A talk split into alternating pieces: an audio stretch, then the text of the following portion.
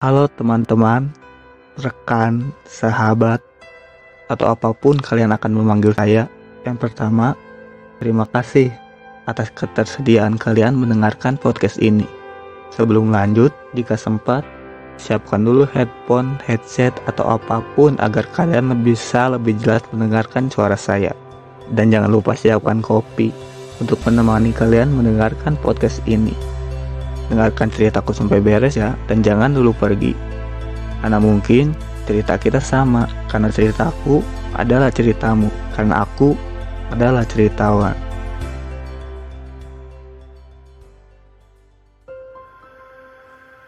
Jadi teman-teman, yang kali ini akan saya ceritakan adalah tentang hidup yang penuh kadang-kadang. Karena selama kita hidup, selama saya hidup, kisah masing-masing dari kita itu pastinya sangat menarik. Kadang menyenangkan, kadang membosankan, kadang tidak sesuai dengan yang kita inginkan. Kadang buat kita sedih, kadang buat kita senang. Terkadang juga kita hidup dalam keterpaksaan. Kita belum melupakan, tapi kita harus terus berjalan. Kita belum sembuh, tapi kita tetap berusaha membuat semuanya tetap utuh. Berat ya? Kita tetap menjalani berbagai prosesi-prosesi kehidupan dengan berbagai profesi-profesi yang bikin kita gak sedih. Atau lebih jelasnya, bikin kita kelihatan gak sedih.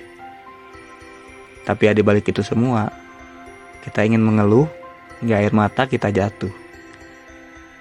Hingga saat ini, kita selalu bisa membasuh air mata yang jatuh dengan tangan kita sendiri.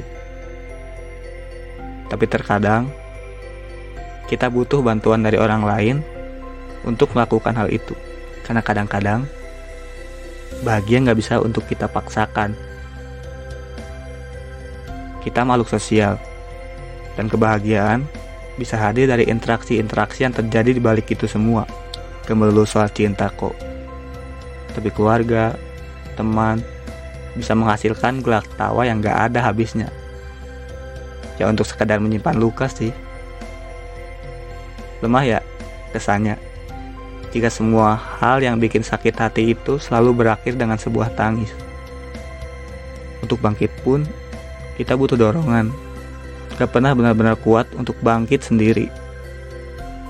Tapi kita selalu pura-pura kuat mungkin paling kuat di semesta. Semesta yang selalu memberi kita waktu untuk nyerah saat hati akhirnya patah. Terkikis sedikit demi sedikit. Hingga semua pandangan orang berubah. Kita yang katanya kuat, kita yang katanya bisa menyelesaikan semua masalah dalam hidup dengan otak. Kita yang selalu realistis dalam melihat sebuah realita. Bisa hancur oleh sebuah masalah yang kiranya sepele bagi orang-orang tapi meluluh lantahkan perasaan untuk kita yang mengalaminya. Padahal, hal itu juga kan yang terkadang buat orang yang kakakmu super. Menyepelekan masalah. Menyepelekan masalah orang dengan berkata bahwa ini bukan apa-apa. Padahal, kita memiliki masalahnya masing-masing yang gak bisa kita pilih buat kapan datang atau kapan pulang. Kita pun gak tahu masalah mana yang akhirnya bikin air mata kita jatuh. Ya tapi itu semua kadang-kadang sih. Memang terkadang hidup itu baik-baik aja.